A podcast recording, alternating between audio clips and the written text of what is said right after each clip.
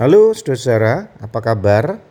Kiranya tetap bertahan di rumah ya, karena virus COVID-nya nampaknya melonjak lagi. Mari kita bersabar sejenak. Ya, bersabar sejenak. Beberapa saat lalu saya mendengarkan berita terkait terjadinya blunder dari pihak pemerintah dihubungkan dengan pola komunikasi dalam menangani pandemi COVID ini. Jadi, ada sinyalir bahwa para menteri itu satu dengan yang lainnya enggak klop. Jadi, memang kalau kita perhatikan, juru bicara COVID ini kan banyak pihak ya, dari pemerintah sendiri, kemudian BB POM, dan lain-lain. Setidaknya ada lima dan ini membuat kerancuan dan kebingungan di antara kita sebagai rakyat. Memang tugas pemerintah belakangan ini sangat tidak mudah. Kita, rakyat, mulai bosan dengan situasi ini, mulai lelah dengan situasi ini, sebab perekonomian kan mengalami kemunduran. Di satu sisi, kondisi kesehatan kita harus benar-benar dijaga. Jadi, ini ada apa ya dilematis antara menginformasikan bahwa kondisi kita belum membaik dan keinginan rakyat untuk sudah bebas, sudah normal seperti satu setengah atau dua tahun lalu. Waduh, ini betul-betul situasi yang tidak mudah. Pemerintah harus memiliki jurus yang luar biasa. Bandingan di dalam Alkitab di mana situasi desak mendesak ini terjadi. Sehingga Rasul Paulus menasehatkan dalam 2 Timotius 4 ayat 2 demikian. Beritakanlah firman, siap sedialah baik atau tidak baik waktunya. Nyatakanlah apa yang salah, tegurlah dan nasihatilah dengan segala kesabaran dan pengajaran. Yang sebetulnya Rasul Paulus ingin pesankan kepada kita pembaca adalah konsistensi. Betul, kita didesak oleh waktu, oleh keadaan yang tidak boleh membuat kita kendor dalam memberitakan firman Tuhan, menyatakan kebenaran, bahkan sampai menegur kalau salah ya salah. Di satu sisi Nah, ini dia. Ada kenyataan orang-orang sudah muak dengan nasihat, dengan teguran, mungkin dengan hal-hal yang dikaitkan firman Tuhan. Itulah pihak eksternal kita. Firman ini mau mengatakan konsistensi, konsistenlah.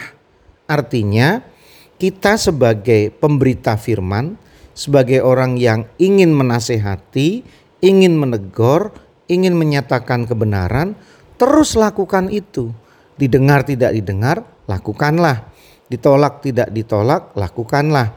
Karena kita tahu bahwa kalau kita diam di depan itu jurang, maka akan banyak orang kecebur jurang, akan banyak orang tersesat. Maka jangan diam, terus lakukan walau pihak eksternal kita tidak menerima, mulai bosan, mulai muak. Tapi diri kita, kuncinya di diri kita. Poinnya ada di diri kita. Yang harus konsisten adalah kita. Sampaikan apa yang harus disampaikan. Kebenaran adalah kebenaran, firman adalah firman, tegur, nasihati, walau harus dengan sabar, dengan pengajaran. Sebab kita nggak bisa paksa orang biarkanlah apa yang kita sampaikan sebagai kebaikan itu terbawa angin, menguap bersama angin. Enggak apa-apa. Sampai satu saat akan ada buahnya. Asal kita konsisten, yakinlah ada hasilnya. Sama halnya dengan pemerintah yang harus terus mengingatkan hati-hati dengan pandemi, hati-hati dengan Covid, terus 6M, atau 5M mana sajalah. Yang penting pemerintah terus mengingatkan dan terus mengingatkan tidak boleh ada putus-putusnya, bosan-bosannya. Yang penting kita konsisten. Mari kita merenungkannya.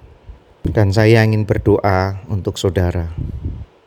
Saat ini kami bersatu hati ingin mendoakan setiap orang dalam hal ini entah pemerintah, mungkin orang tua, mungkin kakak, mungkin teman, mungkin sahabat, mungkin hamba-hamba Tuhan yang harus bertanggung jawab mengingatkan entah kepada warga negaranya, umatnya, keluarganya sendiri, kerabatnya sendiri tentang kebenaran, tentang hal yang baik.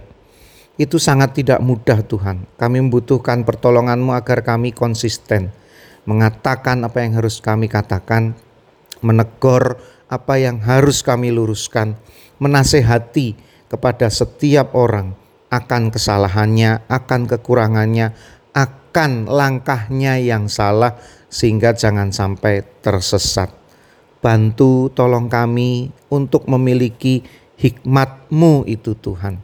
Dan dengan sabar kami melakukannya, dengan pengajaran kami melakukannya, tidak melakukan kekerasan, tidak melakukan ucapan yang menyakitkan hati, tetapi dengan kesabaran dan dengan caramu, jalanmu, maka kebenaran itu akan terus kami sampaikan. Dan kami yakin pada saatnya akan ada hasil yang baik.